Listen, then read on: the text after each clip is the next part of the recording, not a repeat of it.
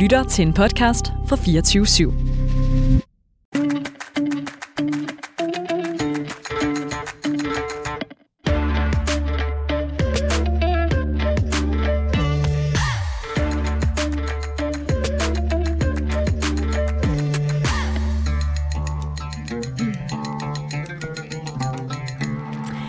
Ja, velkommen til Banat, Danmarks eneste talkshow-program af minoritetsetniske chicks. Mit navn er Phyllis Yassar, og i dag skal vi tale om kropspositivisme. Og det skal vi med det her panel. Kamina Guldmann, Brynhild og Christina Rahim. Velkommen til jer alle tre. Tak. Christina, har du lyst til at starte ud med at introducere dig selv? Ja, det vil jeg gerne. Øh, ja, jeg hedder Christina Rahim. Øh, jeg er en øh, tyk, queer, sort, mixed, cis kvinde, og jeg bruger pronomerne hun, hende. Mm. Øh, jeg har, er bestyrelses øh, næstforperson i den intersektionelle højskole. Danmarks. Danmarks intersektionelle højskole. Tak, Camilla.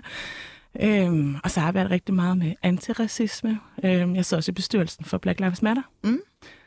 Så det er mig. Hvad er, bare lige kort, hvad er Danmarks intersektionelle højskole for noget? Jamen, det er en højskole, hvor at vi øh, kan tilbyde kurser i forhold til at øh, få lært noget omkring antiracisme, men også i forhold til de intersektioner, man kan være i, hvor man kan være ramt på flere niveauer. Ikke kun alene på for eksempel racisme, men også i forhold til for eksempel tykkhed. Ja. Så et tænkt eksempel kunne være, Jamen, et tænkt eksempel kunne være på en arbejdsplads, hvor at man gerne vil øh, inkludere og forsøge at inkludere alle intersektioner, der er der lige fra øh, LGBT plus øh, personer, og også i forhold til handicap og så videre, så videre. Jeg kan blive ved. mm. Mm. så inkludering af minoritetspersoner. Helt sikkert. Perfekt. Øhm, Brynhild, du er jo også med i dag. Ja. Hvem er det lige, du er? Jamen, jeg er Brynhilde, øh, eller kort version, det er bare Bryn. Jeg er 26 år gammel, mine pronomener er hun, hende, og jeg til hverdag læser ud på Roskilde Universitet, hvor jeg læser socialvidenskab. Og så arbejder jeg også rigtig meget med de to skønne kvinder, jeg er her i studiet. Nå, okay, så I kender hinanden på forhånd, kan man sige. Ja, Lille bitte jeg, smule. jeg er også inde, inde over den Danmarks Intersektionelle Højskole i bestyrelse og den slags ting og sager. Skide godt. Og Camina Guldmann, Ja. du har taget hele vejen øh, fra Odense for at medvirke i dag. ja, det har jeg. Kan du lige introducere, hvem du er? Ja. Jamen, øh, som du siger, mit navn det er Carmina. Mine øh, pronomner det er også hun, hende. Jeg er mixed race, øh, indigenous. Øh, på dansk vil man nok bare kalde mig grønlænder. øh, så er jeg tykaktivist. Øh, jeg skal til at skrive bachelor i social- og specialpædagogik med fokus på øh, nyankomne grønlændere til Danmark. Øh, ja, jeg arbejder med antiracisme. Jeg øh, beskæftiger også mig også med tykfobi og tykaktivisme. Og vi talte om, inden vi gik i studiet i dag, at det faktisk er første gang, jeg nogensinde er blevet spurgt, om jeg har lyst til at deltage som, altså, i egenskab som tyk aktivister. Altså, jeg har, jeg har en lille bitte smule erfaring i forvejen, men øh, jeg tror, det anden, tredje gang, at jeg i al den tid, jeg har været aktivist, og det er jo efterhånden nogle år, ikke? Mm. at øh, jeg er blevet inviteret som øh, tykaktivist. Så det er jo dejligt. Tusind tak, fordi du vil have os med, Selvfølgelig. Phyllis. Tusind tak, fordi I havde tid alle sammen. Vi skal tale om tyk aktivisme lidt senere i programmet, men øh, til at starte med, så vil jeg jo gerne have jer til at folde en egen historie ud. Noget, som I sådan har lagt mærke til i løbet af ugen, eller bare sådan in general, som I mener skal fremhæves her i Banat-universet. Skal vi starte med, øh, skal vi starte med dig, Bryn? Det kan vi godt, hvis det er. Øhm, jeg var lidt i tvivl om, hvad jeg sådan skulle tage med, da du sådan stillede det her spørgsmål, men sådan, det, som der egentlig ret meget har fyldt den sidste stykke tid for mit vedkommende, det har været den her frustration over konstant at skulle være et objekt øh, til sådan, øh, jeg ved ikke det danske ord, men consumption, det der med at blive hele tiden skulle, skulle, skulle være et underholdende objekt, og hele tiden skulle være til, til, til majoritetens gaze, der bliver hele tiden lagt over på, at jeg skal ligesom bliver, bliver bare et objekt til deres underholdnings skyld. Det her, der har været rigtig meget, der var under priden, er det øh, altid der, hvor det lidt sådan spidser til. Men øh, og så, så, så har jeg bare ikke rigtig fået lov til at komme ned fra det, fordi det bare fortsat konstant, så jeg bare er meget sådan pent op i den her frustration Hvorfor over. er det, det accelererer under priden? Ja, alle de der, ja, de der typer, som gerne vil have en håndtaskebøsse, kommer ind til byen, og så objektiviserer de rigtig mange af os, som... Ja, en Det er sjove ud. Ej, det er første gang, jeg hører det. Det, det, det, hvad, hvad er det? Jamen, det er, det er den her type, som meget gerne vil have sådan, ej, jeg vil gerne have en LGBT-ven, så kan vi bare lige vi er venner, og så kan vi bare hygge os. Jeg tror, Og- jeg tror der er mange øh, hetero-kvinder, der sådan gennem tiden har sagt, at jeg vil gerne have mig en bøsseven. Ja, Det er lidt det, sådan, øh, det der med, at øh, en, en quirky LGBT-ven, som Ja. man kan tage under armen. Så det bliver sådan en asset. ja vitterligt. Var, var det ikke så tidligt som i går-agtigt, at hvor vi gik ned ad gaden, Christina og jeg, Mm. hvor der var sådan en, ej, I ser festlige ud. Ja, lige præcis. Der, Ja. så sent som i går aftes. hva'? Ja, og man er sådan, nej, vi er på vej på Burger King. Ja, det er stille og roligt. Altså. Bare torsdag. Perfekt. Calm down. Øhm, Camina, hvad har du taget med i dag? Jamen, øh, jeg, har, jeg har lavet en observation, der øh, på et øh, sorte kvindelige aktivister, primært fra USA, de er begyndt at sådan sige det her med, at flere ting kan godt være sandt på samme tid. Øhm, og det har resoneret enormt meget hos mig, altså det her med, at, at det, er en, det er en god måde at se tingene på, for det giver mulighed for, at der bliver foldet nuancer ud. Øh, og på den måde, der altså for eksempel i dag, ikke? Altså jeg er grønlænder og, og lever med de stigmaer, der er der, men jeg er også tyk, og de to ting, de samme eksisterer i min eksistens, men når jeg næsten kun bliver inviteret ud i forbindelse med at være grønlænder, jamen så min identitet som tyk, jamen, den får ikke rigtig lov til at fylde, men den er der altid. Altså, jeg kan jo ikke tage min tykkhed af, når jeg går ud og, og underviser i forhold til at være øh, grønlænder og akti- antiracisme. Så det samme eksisterer altid, men det ene bliver mere anerkendt end det andet. Og hvorfor tror du, det er sådan?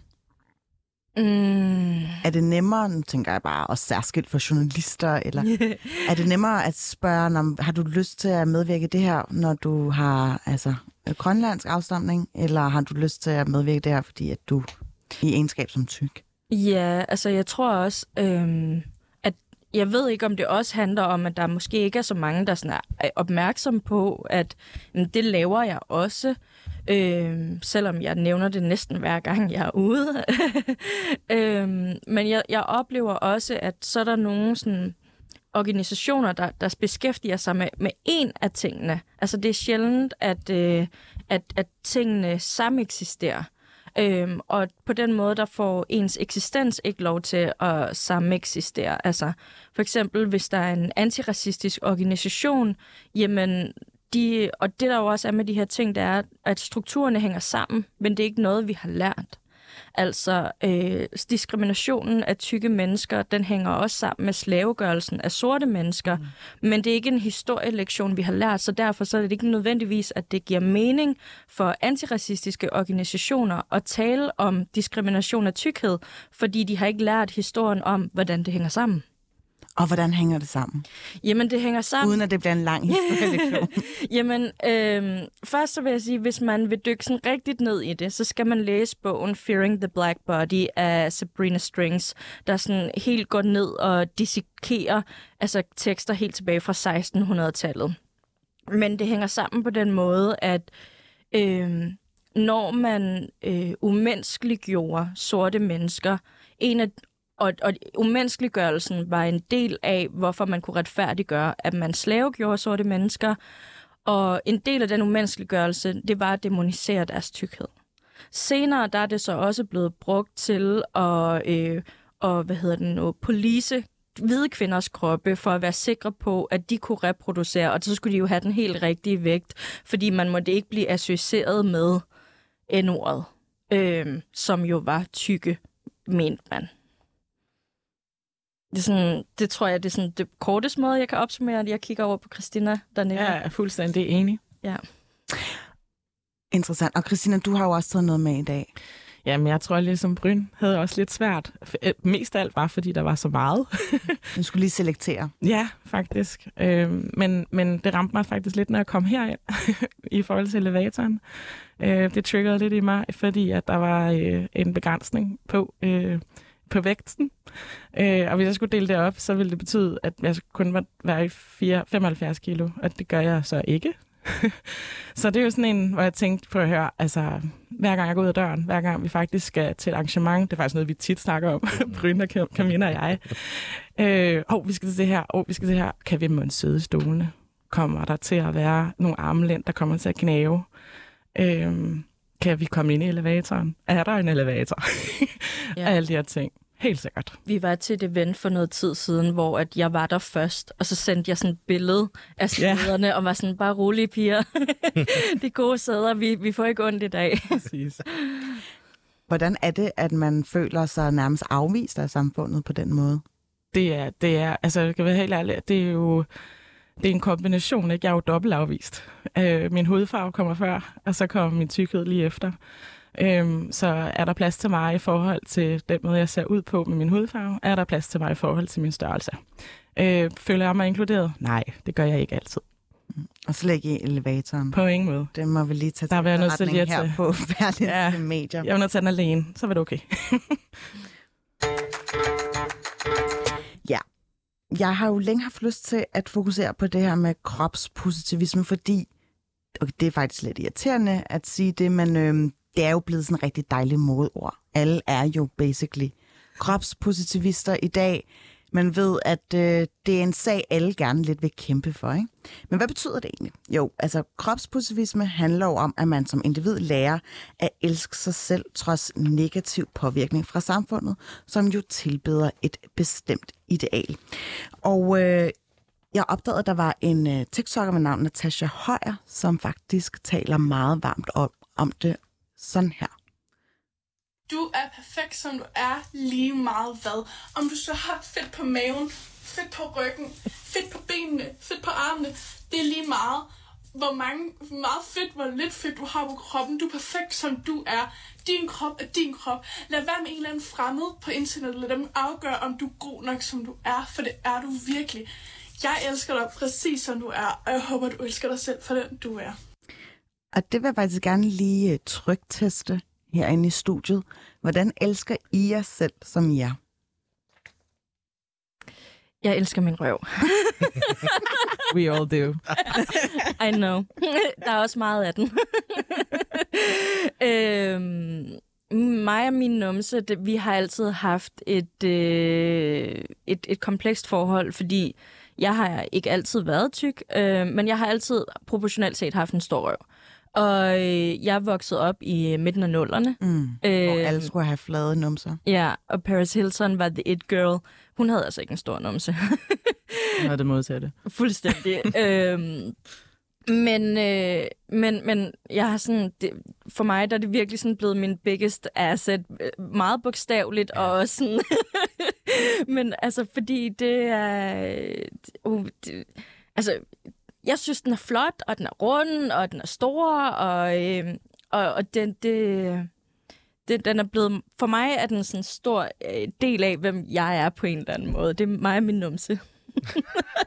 Så det er faktisk det første, du sådan her tjekker ud, når du står foran spejlet. Ja, ja. Det er en fast ting. Og så lige kigger, uh, den, og den, den flyder flot med ryggen, synes jeg. Og sådan, Er det også det første, du ser på billeder? ja. Profil. Med røven. Ej, hvor dejligt. Øh, Bryn, hvad, hvad kan du... Du kan selvfølgelig lide det hele, det ved vi godt, men øh, hvis du skulle sige noget, som, hvor du ligesom tilbeder din krop og sætter et ord på det, hvad skulle det være? Altså, jeg tror ikke, det kommer som et chok, men jeg er helt vild med mit, øh, mit lady beard. Fordi det er, sådan, det, det er så stor en del af det, jeg bliver mødt i verden på, men også en stor del af sådan mig. Så sådan, jeg er helt vildt glad for mit sådan, skæg. Det er også meget flot til Tak. dem, der ikke sådan ved, hvordan Brynhilde ser ud. Du har også fået lavet lidt svip her i dag, Ja. synes Jamen, det sidder bare helt naturligt sidder med det lille bare. svip, det lille cykelstyr. Det Og det sker sådan et lille løft. Ja. Hvad, hvad siger folk knyttet til dit skæg? Jamen, det er jo en faktor i forvirrelse i og Ja. med, at jeg ligesom har den her feminin præsentation, øh, med hun hende pronomener, også i, i jagten på hormoner, den længere øh, tykfobisk rejse, men øh, den er der. Så øh, er det sådan en forvirrelse, at, at folk ligesom sådan, nej, men det er jo en mandeting at have skæg, jo. Og så er jeg sådan, nej, det er det egentlig ikke. Der er masser af feminine personer, som har skæg også, mm. som har hår. Hår er en helt naturlig del af at være menneske. Og det er folk meget svært ved at forstå. Så det er meget sådan, det, det, det er et, virkelig et sted, hvor jeg giver mig selv meget selvkaldet, det med min egen mm. hår. Mm. Jeg gør meget ud af at demonstrativt fortælle om, at jeg har dameskæg, så, Ja. så jeg råber nærmest ud på arbejdspladsen, at jeg går lige uh, 10 minutter, fordi jeg skal få fjernet mit dameskæg. Det er sådan noget, jeg får, får behandlet. uh, så alle er sådan, nå, hvor, hvordan ser dit skæg ud? Og så- så prøv, altså, der opstår mange forskellige spørgsmål i den der sammenhæng. Hvorfor skal du få det fjernet? Bla, bla, bla.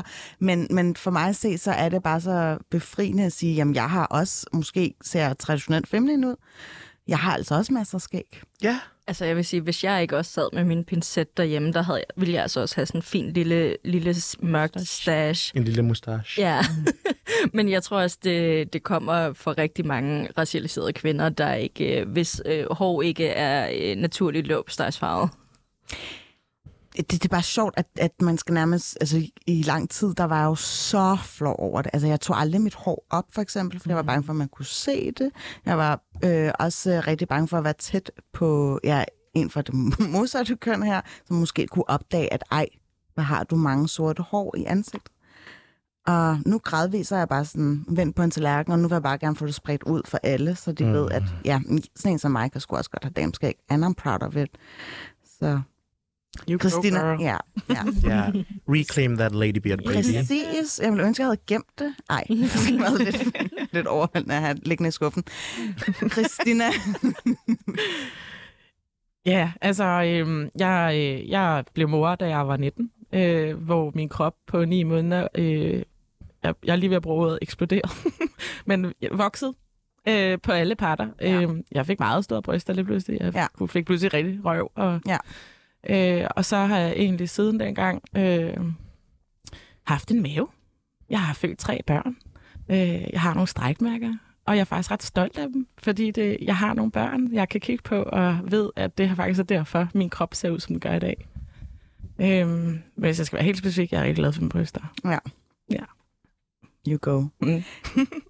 Jeg har lyst til at spørge, om I har nogle dårlige dage, fordi det har jeg for eksempel i dag, apropos det der med bryster. Jeg har øh, opdaget, at lige akkurat i dag, fordi der var en, en øh, kollega, der filmede mig, at øh, min barm ligesom fylder 73 procent af min overkrop. jeg var sådan her, er det virkelig så stort? Og jeg var sådan, nej, det kan simpelthen ikke passe. Jeg havde bare lidt et andet selvbillede. Jeg opdagede her, øhm, sådan, at jeg godt kan finde på kun at få taget billeder fra brystet op. Altså, jeg gemmer min mave væk, ubevidst på billeder. Mm. Øhm, det er noget, jeg virkelig, da jeg blev bevidst om det, så er det virkelig noget, jeg var sådan, jeg skal have helkropsbilleder, og så ligesom få hjælp til, hey, tag lige et billede af mig, fordi det er hele tiden et profil, ikke? Altså, Jo. hvis det er ens egen arm, så får du heller ikke hele kroppen med. Mm. Men det der med at se sig selv i, på et fotografi, ligesom, det lærer mig også at elske mig selv. Mm. For det er en, en, en ting, at man kan stå foran et spejl og se en version af sig selv. Det er en, en ting. Men, men det, det der fotografi, hvor en anden har taget et billede af dig, mm. så det er jo deres syn af dig. Mm. Og så, så være og hvile i det. Men er det ikke også hårdt, altså sådan, at hele tiden elske sig selv? Nu ved jeg godt, at Natasha Højer her virkelig, øh, der var en dejlig energi i det, ikke? Og dejligt smittende, men kan man gå hver dag ind og ud og tænke, fuck, jeg elsker mig selv? Nej, det skal man da heller ikke. Øh, jeg synes også, det er vigtigt, at kro- kropspositivisme er jo som udgangspunkt en rigtig god ting. Øh, men det er også vigtigt, at det ikke bliver et nyt u, øh, uopnåeligt ideal. Øh, jeg har øh, været på en arbejdsplads, hvor jeg havde kollegaer, der sad og målte, hvem der havde mindst lov. At når vi skulle øh, give vores borgere mad, morgenmad, han fik øh, havregrød med sukker og en smørklat, fik jeg at vide, at han fik jo virkelig usund morgenmad.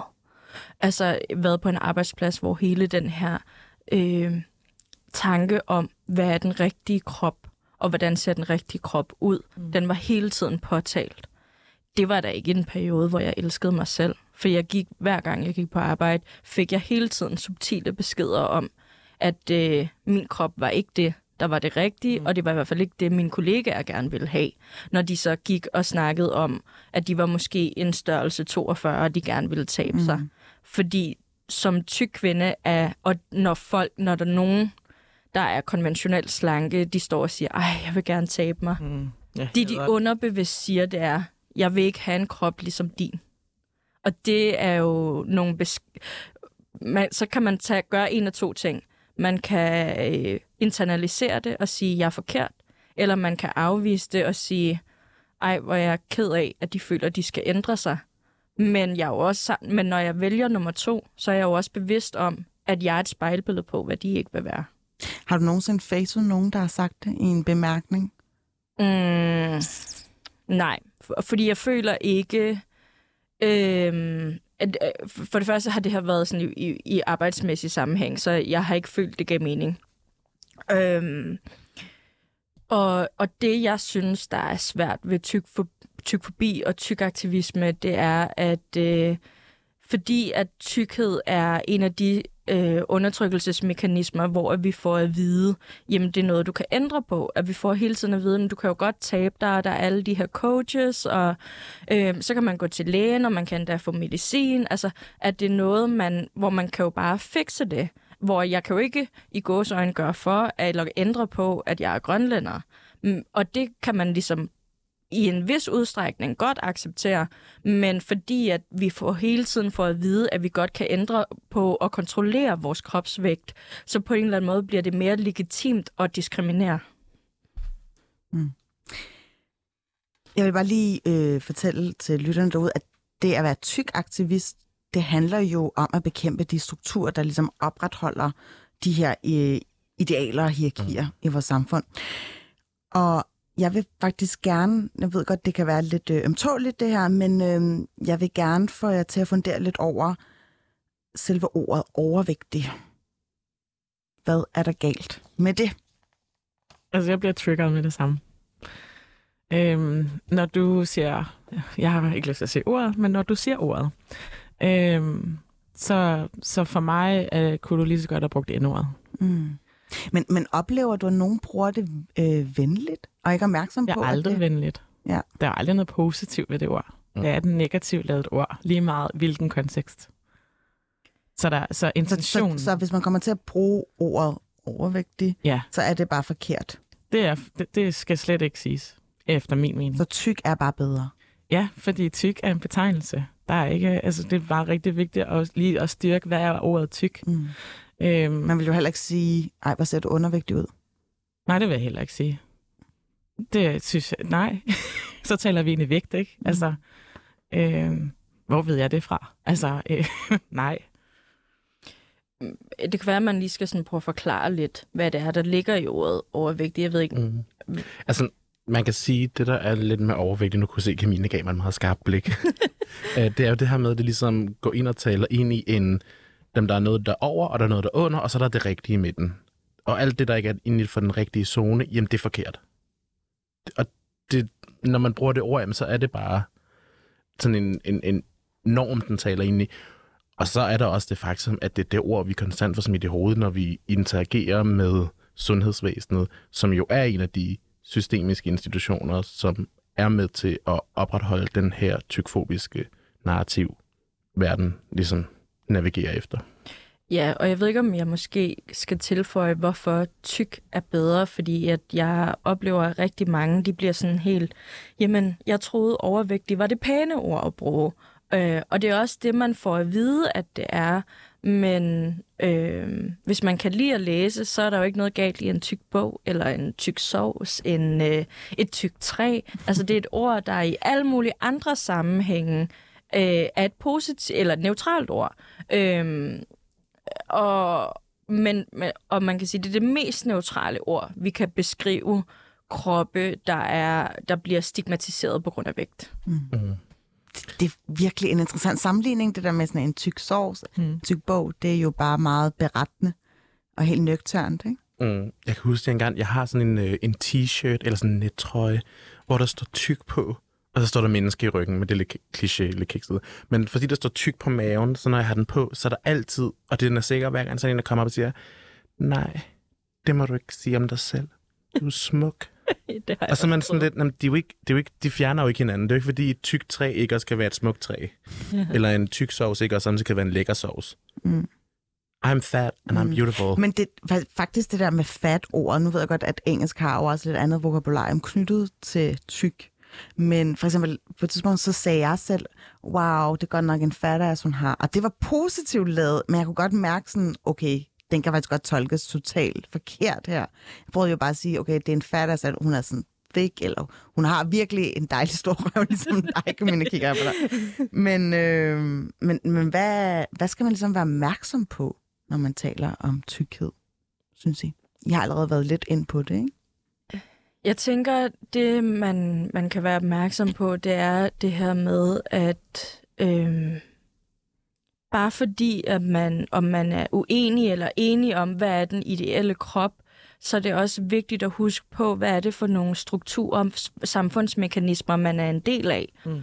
Og hvis man øh, for eksempel er en, en, øh, er en slank person, der begynder at belære tykke mennesker om at være tyk eller et eller andet, så bliver man, så tror jeg, det er en rigtig god idé lige at tage et skridt tilbage og sige, okay, øhm, altså, det, det minder mig om det her øh, James Baldwin-citat med, at altså, we can agree to disagree.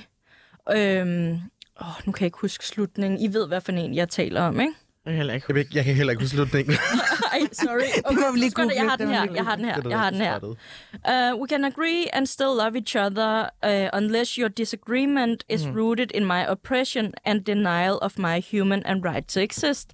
Altså, vi kan være enige og uenige om, øhm, skal der ananas på pizza, men når det kommer til min ret til at eksistere som menneske, øh, så er det vigtigt at lige, måske tage et skridt tilbage og sige, okay, hvad er det for nogle øh, dynamikker, man træder ind i, når man tror, at man er ligeværdigt enig eller uenig i mm. ting, der er afgørende for ens eksistens? Hvornår tror I, at samfundet når til et punkt, hvor det at være tyk ikke bliver betegnet som, som værende noget afvigende fra, fra normalen? Altså, når du, når du spørger sådan, så er jeg også nødt til at sige, så, så er vi også nødt til at tale om racisme. Mm. Mm. Fordi at det bunder i strukturel racisme. Hvis vi starter der, så vil det faktisk også afspejle sig helt automatisk Mm. i tykkheden og tykfobi.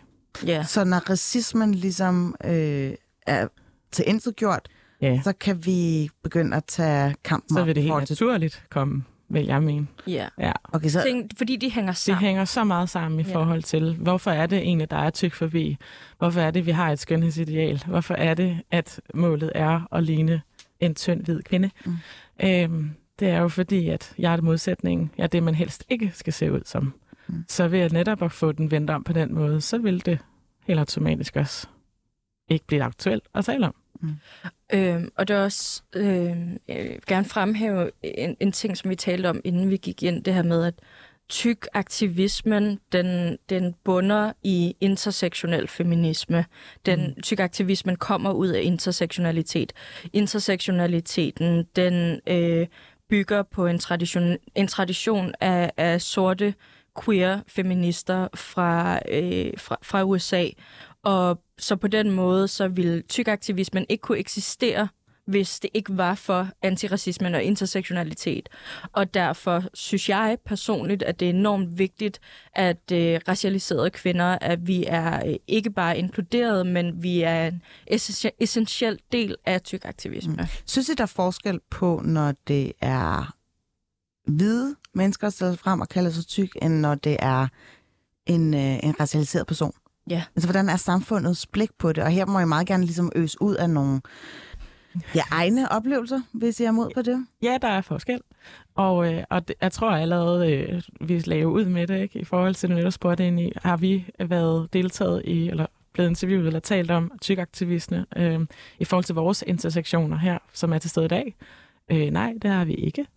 Fordi vi har ikke fået mikrofon. Vi har ikke fået lov til at faktisk at få øh, sagt de ting, vi gerne vil sige ud fra vores oplevelser. Fordi det er altid i centrum med, jamen, hvis du er en tyk kvinde, så er det jo tykkheden, der står først. Og så er det der, Hvis man hvor... er en tyk hvid kvinde. Lige præcis. Så det er den, der står først. Mm. For, for mig, der, der øh, oplever jeg sådan en paradoks som grønlænder. Fordi øh, grønlænder, vi, vi øh, bliver jo set på som øh, hjemløse, og vi bliver stigmatiseret på at være socialt udsatte. Alle de her øh, ting, som man, alle de her grønlænder-jokes, som man har hørt en million gange. Så som grønlænder er der en forventning om, at jeg skal se pæn og præsentabel ud. Som tyk er der en forventning om, at jeg helst skal gemme min krop væk. De to, de, de, de clasher med hinanden. Så når jeg dresser op som grønlænder, jamen, så fylder jeg også mere i lokalet øh, som, som tyk kvinde. Det vil der blive set ned på. Hvis jeg som tyk kvinde øh, gemmer min krop væk, øh, i baggy øh, shorts og en oversized t-shirt, jamen så vil jeg som grønlænder se, ligne en socialt udsat. Altså, der er, vir- altså der, der, der er sådan en paradoks. Så du bliver dobbelt ramt, jo ikke? Ja, Bryn, hvad, hvad gør du der tanker om det? Altså man kan sige, jeg har jo det privilegie, at jeg er hvid. Og øh, så er jeg så trans oveni og tyk.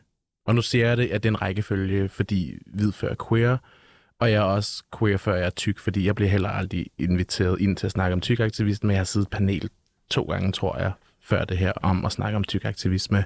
Og man kan sige, det er jo lidt den, den samme, jeg kan relatere til det, når det som Christina siger, at hun bliver målt op med at skulle ligne en tynd, hvid kvinde. For det er jo også det ideal, som man forventer. Jeg vil, li- jeg vil det. transitionere Ja. ind i. Det er det, at jeg gerne vil den hårløse, tynde, hvide Mm. kvinde, hvor at hvidheden har jeg, tjek ved den, men det er hele tiden den der jagt af det ideal, og det er ikke det, min feminitet, min kvindelighed ligger i. Så den, jeg kan godt relatere til det i den her skønhedsideal, der er konstrueret i de hvad, 500-600 år siden, da mine forfædre valgte at kolonisere verden. Uh, hvor at den ligesom det, de blev sat op med, at det skulle være cis-normativt, det skulle være hvidt, det skulle være hetero og patriarkalsk. Alle de her strukturer, det ligesom sagde, hvis ikke du passer ind der, jamen så skal du prøve at jage det på en eller anden måde. Mm. det, det minder mig faktisk om noget, jeg har læst fra en, fra en transkønnet tyk aktivist. Øhm, kan jeg simpelthen ikke huske, hvad vedkommende hedder, men hvor han talte om, at som, som transkønnet vil samfundet helst ikke have, at han transitionerer. Så han, der må han ikke ændre sin krop. Men som tyk, så skulle han ændre sin krop, mm. fordi at, så han kunne blive tynd og passe ind i normerne. Så på den måde, der er jo en enorm dobbelthed i, Ja, må, hvornår må man, må man ændre sin krop, og hvornår må man ikke ændre sin krop. nemlig, og det er også det, der sådan lidt, når vi skal, hvis vi taler Altså, i... han var øh, ty- tyk, kunne jeg forstå, ikke? Ja, den transkønnede mand, Okay, der var ja. tyk. Og der, for at, ligesom, at han kunne øh, lave sin transition, så skulle han først blive tynd, eller hvad? Nej, han talte om, altså, hvad er det for nogle forventninger, altså, hvad er det, samfundet helst ser, han gør. Samfundet så helst, at han ikke var transkønnet, og derfor, at han ikke skulle transitionere. Men samfundet ser også helst, at man er tynd, og derfor skal man tabe sig. Begge dele er en forandring af kroppen, hvor den ene må man, vil samfundet ikke have, at man forandrer sin krop, og den anden, der vil samfundet have, at man ændrer sin krop. Mm. Og det er jo så der, hvor den systemiske ting også ligesom kommer ind, fordi inden for øh, sundhedsvæsenet, så er der jo også helt vildt meget regulering af transkroppe i forhold til tykkhed. Øhm, de vil for eksempel ikke tilbyde operationer eller hormoner, øh, noget så basalt som hormoner til tykke kroppe, fordi at hvis du er tyk, jamen, så er der jo ikke nogen udsigt til, at du egentlig reelt kan få operationer, og hvis du kan få operationer, jamen, så er der ikke nogen grund til det at give dig hormoner. Mm. Det er lidt den logik. Og så er det, hvorfor kan du ikke få operationer? Det er ikke fordi, at videnskaben eller, eller, øh, eller værktøjerne til at lave operationerne ikke eksisterer til tykke kroppe. Man gider bare ikke købe dem hjem, for det er en ekstra udgift. Så hele den der med, at man ikke imødekommer den tykke krop, jamen så forhindrer man egentlig også transitionen i at ske, så du blokerer egentlig også den der, som Camilla taler ind i med, du må ikke skifte din krop, men du skal også være tynd. Mm. Det synes jeg er et altså, synspunkt, jeg ikke har øh, hørt før, og, øh, men det taler meget godt ind i den øh, hvad der hedder, undersøgelse, som jeg havde frem her. Jeg læser lige op, fordi ifølge en ny undersøgelse fra Harvard University, USA, der har man ligesom spurgt amerikanerne om, hvad de mener om bestemte karakteristika, ikke? Altså i forhold til race og seksualitet og handicap, og så også kropsvægt og alder. Og selvom undersøgelsen viser faktisk ret meget positiv fremgang på de fleste områder, så forholder det sig ret anderledes, når det kommer til kropsvægt. Der viser det sig nemlig, nemlig at øh, der er sket et meget mindre fald i forhold til de bias, man har knyttet til tykke mennesker. Og det sker jo altså på trods af, at vi jo de seneste par år har oplevet en global bevægelse, altså som ligger eller har skarpt fokus på det her med kropspositivisme og, øh, og tykfobi. Jeg vil meget gerne få jer til at sætte ja, et par ord omkring det der med, når folk siger, at I glorificerer tykkhed. når I bliver mødt med det. øhm, jeg, altså, jeg vil bare gerne være her. det handler ikke om at glorificere. Det handler egentlig bare om, at jeg gerne vil leve. Mm. Jeg vil bare gerne være glad og tyk og i fred.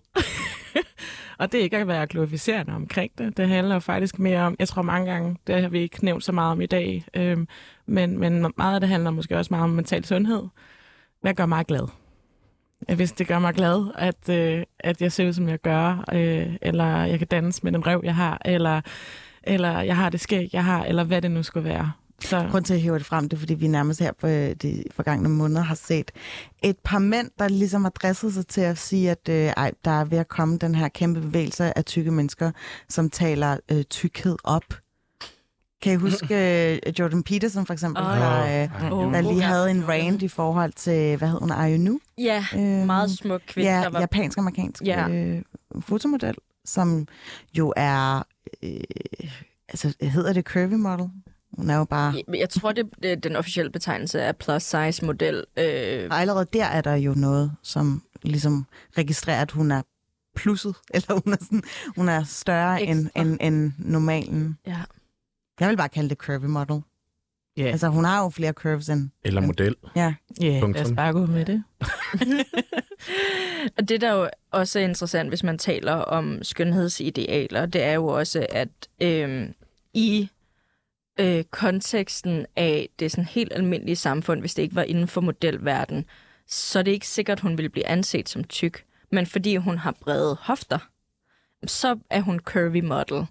Øhm, og der er jo også hierarkier inden for tykkhed i, hvad er mere... Du kan være tyk på den rigtige måde. Præcis. Mm. Øh, jeg, jeg, jeg, jeg, jeg er tyk på den rigtige måde. Jeg har, en, øh, jeg har brede hofter, jeg har sådan OK store bryster, og proportionelt set har jeg en mindre talje. Øh, jeg har også en mave, men det er min røv, der ligesom fylder. Så, så i lang tid, selvom jeg var tyk, blev jeg bare set som en, der havde en stor numse. Øh, folk de sådan, kategoriserede mig ikke rigtig som tyk. Jeg havde jo bare en stor numse, og det var jo alligevel moderne. Øh, så, så der er 100% sådan konventionelle, rigtige måder at være tyk på. Æbleformet, not so, not much. so much. Men bare lige for at komme tilbage til mit spørgsmål omkring det her med, når folk siger, I gør, I gør det at være tyk moderne. Nå, ja. Jamen, altså, jeg tror, det er meget det samme, som Christina sagde. Vi vil egentlig bare gerne leve og så være pæne og være smukke og være glade, og det som alle andre mennesker også mm. egentlig har behov for, at vi glorificerer det. Det virker mere som noget, der bliver pålagt os, at det vi gør. Jeg tror bare, vi nyder os selv og vores liv. Som man alle mennesker har ret ja. til. Bare af nysgerrighed her, øh, føler I, at der er for få konventionelt slanke mennesker, som er tykaktivister? No comment.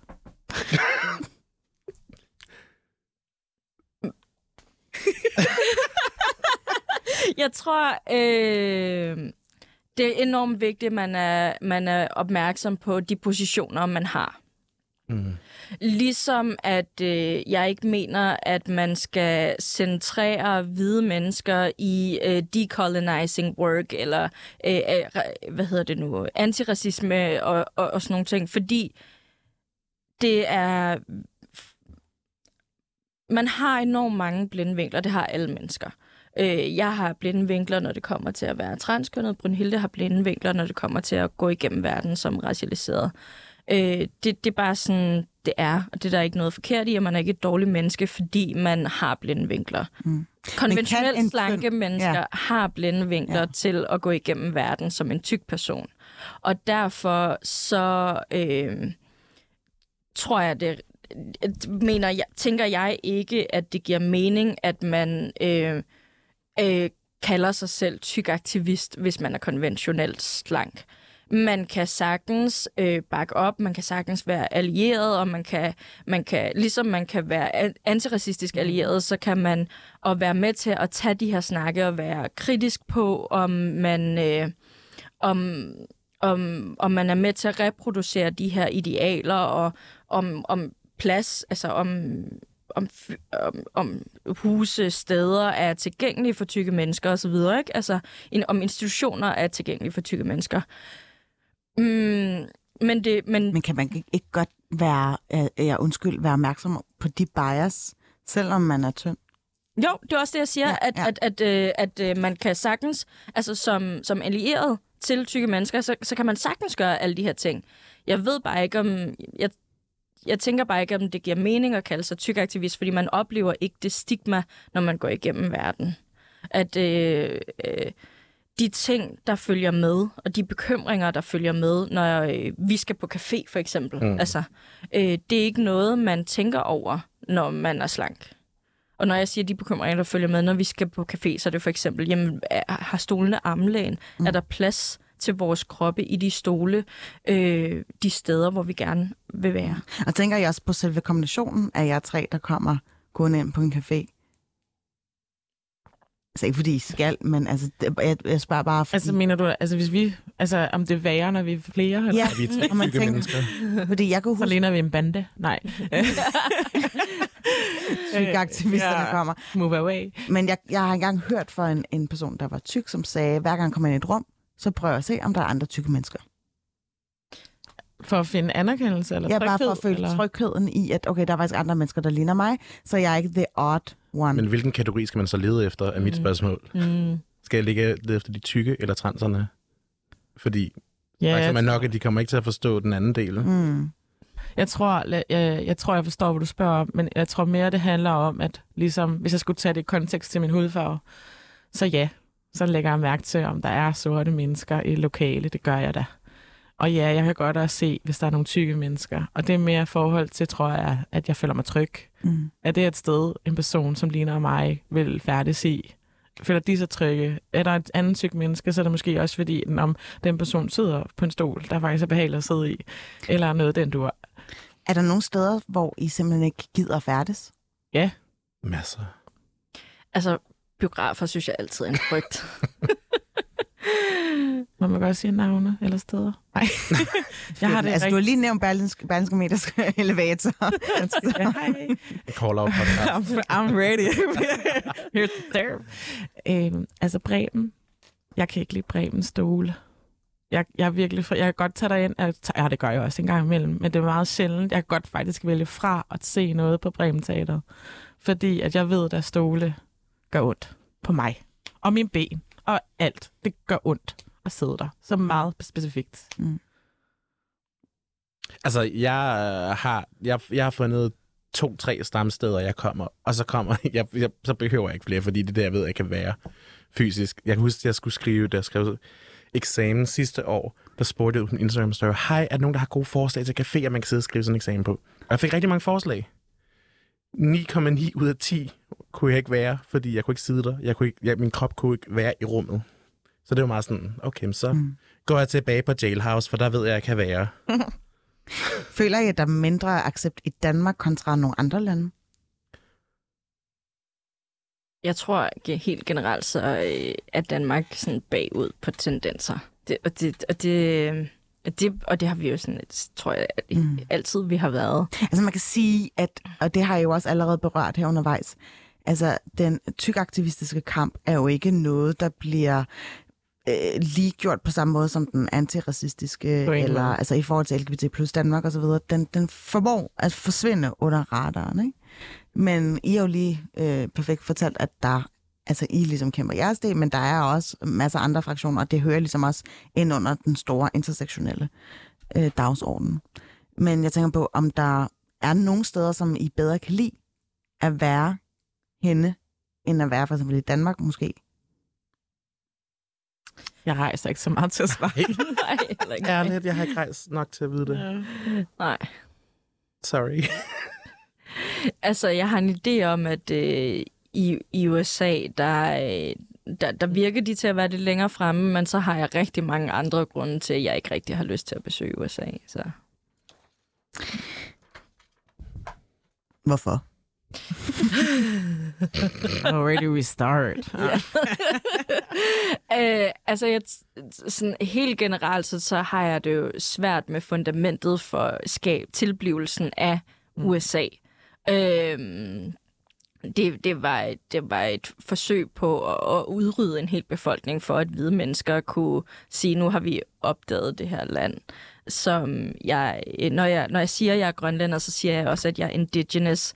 Og på dansk vil indigenous blive oversat til noget af urfolk eller en oprindelig befolkning. Mm. Så det vil sige, på den måde, der er jeg også kategoriseret sammen med for eksempel Native Americans, eller hvad man rigtig ofte på dansk gerne vil kalde dem i ordet, altså indianer. Ja. Øhm, det er ikke det er ikke det, vi skal kalde dem. Native Americans er rigtig godt. Øhm, så på den måde, der... Øh, jeg vil ikke sige, at, at, at grønlænder vi har oplevet det samme, for det har vi slet ikke. Men det er også en kolonial mm. magt. Mm. Øh, og, det, øh, og der foregår stadig rigtig meget kolonial vold, mm. som jeg egentlig ikke har lyst til at støtte. Føler I, at, at øh, folk er meget lidt investeret i at forstå, hvordan det er at være tyk? Jamen, det altså, nej, ja, er korte svar. Og det er jo fordi, at det er et problem, der skal løses. Tag mm. dig, bliv glad. Ja, man, individu- indi- man individualiserer et strukturelt problem. Mm. Hvordan, hvad mener du med det? Det skal jeg bare lige forstå. Jamen, som, en, som, som du siger, at man tykke mennesker får at vide, at du kan jo bare tabe dig, så det er jo løst. Så det er et individuelt problem. Så kan jeg fikse at jeg ikke skal diskrimineres for at være tyk, frem for at man ser på, hvad er det for nogle bias, vores øh, forskning har, hvad er det, hvad er det, hvordan gør man øh, stole inkluderende på alle institutioner og barer og så videre. Altså, hvordan ser man på, i stedet for at se på, hvordan kan vi som samfund prøve at gøre det mere inkluderende for tykke mm. mennesker, så siger man, du kan jo bare løse det ved at tabe dig. Så, så det er jo meget nemmere ved at give folk et individuelt ansvar, i stedet for at tage et kollektivt ja. ansvar mm. og gøre det inkluderende. Ja. ja. Det handler lidt om sådan, at vi skal passe ind, i stedet for at høre til. Ja. Som en af vores kloge veninder så tit siger. Er det det, der hedder uh, default settling? Default Body. Default Body. Uh, Sonja Renee uh, Taylor taler om det i uh, hendes bog uh, The Body is not an apology. Hvordan, og det er jo helt ned til, hvis du for eksempel får at vide, Øh, der er en kvinde, hun skår sammen med sit barn i et supermarked. Så fordi alle de reklamer, vi får, alle de, alt det, vi bliver præsenteret for, det er en hvid, slank, middelklasse, ciskønnet, heteroseksuel kvinde. Så det ligger som sådan en... Øh, det er det, man er nemt at gå til. Og så det er sådan the default, mm. man forestiller sig, når man, forest, man, når man får at vide, der er en kvinde med et barn. Er vores samfundet bygget op således, at man har mere internaliseret had eller en fobi rettet mod tykke mennesker, end en tynde mennesker? Altså undervægtige mennesker, eller folk, der er tynde? Altså... Øh... Det er også et stort spørgsmål. Ja. Jeg tror, jeg kan forstå spørgsmålet. Det, kan jeg få den igen? Ja, altså jeg tænker, at øh, når man er tyk, så oplever man diskrimination. Men hvad med øh, sådan, tynde mennesker? Kan de også godt blive diskrimineret? Og føler I, at den øh, måde ligesom at dele folk op, at den internalisering er hårdere rettet mod tykke mennesker? Nej, men jeg tror, at spørgsmålet kan man ikke stille. det er jo igen, det, jeg tror derfor, jeg har svært at forstå det. Øhm, for, for mig at se, så, så er øhm, jeg har ikke lyst til at bruge ordet, du har brugt her, men altså at være tynd og være den ene ende frem for den anden ende, så taler vi stadigvæk ind i de her ting, altså om, er man normal, eller under, eller over, eller hvad, hvad er man? Øhm, så hedder det jo mere at vente om og sige, hvordan ser strukturen ud? Hvordan kan vi inkludere her i forhold til alle lige meget, hvil, hvordan vi er? Lad os brede den her normal, og ikke kalde under eller over. Jamen, det var bare for at øh, eksemplificere det her med, at øh, Øh, når samfundet ligesom møder en, der er meget tynd, for eksempel. Om, om man øh, kan, er bedre til at tale ind i den diskurs for at hjælpe dem end, end når man snakker om, hvordan tykke mennesker skal hjælpes. Jeg tænker, man skal skille tingene ad, fordi det, jeg hører fra mennesker, som er meget slanke, de siger, at de får at vide, at du skal spise noget mere, sådan så at du kan tage på. Øhm, og det kan jeg godt forstå ikke er rart, ligesom jeg ikke har lyst til at få at vide, at jeg skal spise mindre, for at jeg kan tabe mig. Men jeg tænker også, at det, det er vigtigt, at man skiller ad, hvad er det, man får at vide til sit ansigt, og hvad er det, øhm, altså slanke mennesker, de kan godt tage elevatoren uden at bekymre sig for, om der er plads til en. De kan godt Så inklusionen er mere, øh, ja, hvad skal jeg sige, nærgående for dem? Eller, altså... Jamen, altså, vi, nu, nu har vi jo brugt en del tid på at tale om, hvordan der ikke er plads til mm. tykke kroppe i, det, i den offentlige sfære. Der er plads til meget slanke kroppe i den offentlige sfære. Så på den måde, strukturelt set, øh, får man ikke på samme måde underbevidste beskeder om, at ens krop er forkert, og der ikke er plads til den, for det er der. Mm. Jeg tænker meget, lige nu det billede, jeg har i hovedet, er sådan, når vi snakker undertrykkelsestrukturer, så er der sådan, der er systemiske, der er institutionelle, og så er der også de sociale sfære. Og man kan sige, som tynd, så er der rigtig, så møder du helt klart noget socialt udskamning, hvor man sådan, jamen, spiser noget mere, jamen det kan, drikken fløde. Og så er der også hele den del med øh, Karl Lagerfeldt og Size Zero, glorificering, som har lidt ført til rigtig meget øh, død i forhold til spiseforstyrrelser, modeller, der har prøvet at leve op til det, det tynde skønhedsideal, som har taget livet af dem. Jamen, hvorfor har man ikke talt den... den del? Altså, hvorfor har man ikke snakket om den diskrimination, eller talt om altså, den sygeliggørelse? Det fordi den på en eller anden måde stadig bliver glorificeret. Altså for nogle år siden, der var sådan i Keeping Up with the Kardashians, der siger Kims søster til hende, ej, du ser anorektisk ud. Og hun siger, ej tak. Så der er jo samtidig med, at man... Det vidste jeg faktisk ikke. Det lyder godt nok absurd. Mm. Ja, men, men, men, men så der er jo stadig en eller anden form for, for glorificering af det. Og det var der jo i høj grad op igennem 90'erne. Og, man, og det der er rigtig mange, der taler om, jamen det, det her kropsideal, det er på vej ind. Man kan mm. også se det med lavtaljet bukser, der er på vej ind. Og, der er ikke øh, øh, øh, øh BBLs, der bliver fjernet, altså det, det, så man begynder at bevæge os bevæge sig hen mod et meget, meget slankt. Ja, det må du godt lige forklare lidt nærmere. Jamen, altså, øh, altså mode, det, der foregår jo som regel i en cyklus af omkring 20 år. Øhm, og, øh, og det, det er sådan, altså ligesom, øh, altså det er sådan helt almindeligt kendt, ikke? Mm. Og det, og kropsidealer, de er også i en cyklus. Fordi tyndhed, det har jo også rigtig meget med klasse at gøre. Altså, har du tid til at, at have en personlig træner? Har du råd til at træne? Har du råd til udstyr? Har du tid, altså, har du mulighed, er du i en position, hvor du ikke behøver at arbejde 12 timer om dagen for at kunne få tingene til at løbe rundt, så har du også bedre tid til at bruge det til at forskynde dig. Og øh, BBLs er de senere år blevet mere sådan, tilgængeligt for den almene masse. Øh, så tyndhed bliver også brugt til at positionere sig selv i at være overklasse i, at det er utilgængeligt, eller kropsidealerne. Ikke? Og kropsidealen var øh, de her flotte store numser og curver og sådan noget. Men nu er det blevet meget mere bredt tilgængeligt, så nu flytter kropsidealet sig igen. Øh, og der ser man for eksempel der er mange, der mener, at The Kardashians har fået fjernet deres BBLs. Og, man, og Kim, der fortalte om, at hun, da hun skulle, hvad hedder det nu, øhm, på den røde løber, og, og, og havde Marilyn Monroes kjole på, og hvordan hun havde mm. sultet sig selv. Og, og hun er blevet endnu tyndere efter det igen. Vi bliver nødt til at holde her, men øh, tak fordi du gad for at fortælle det nærmere om, hvordan man ligesom prøver at gøre det til anorektisk kropsideal og øh, hvordan man får ja, gjort sin røv umiddelbart mindre, hvis man er Kim Kardashian-familien. Øh, tusind, ta- tusind tak, øh, Christina og øh, Camina og øh, Bryn, for at I gad at komme ind her som tykaktivister og tale om kropspositivisme. Du har lyttet til Banat. Mit navn er Phyllis Jazar. Kan I have en rigtig god weekend derude.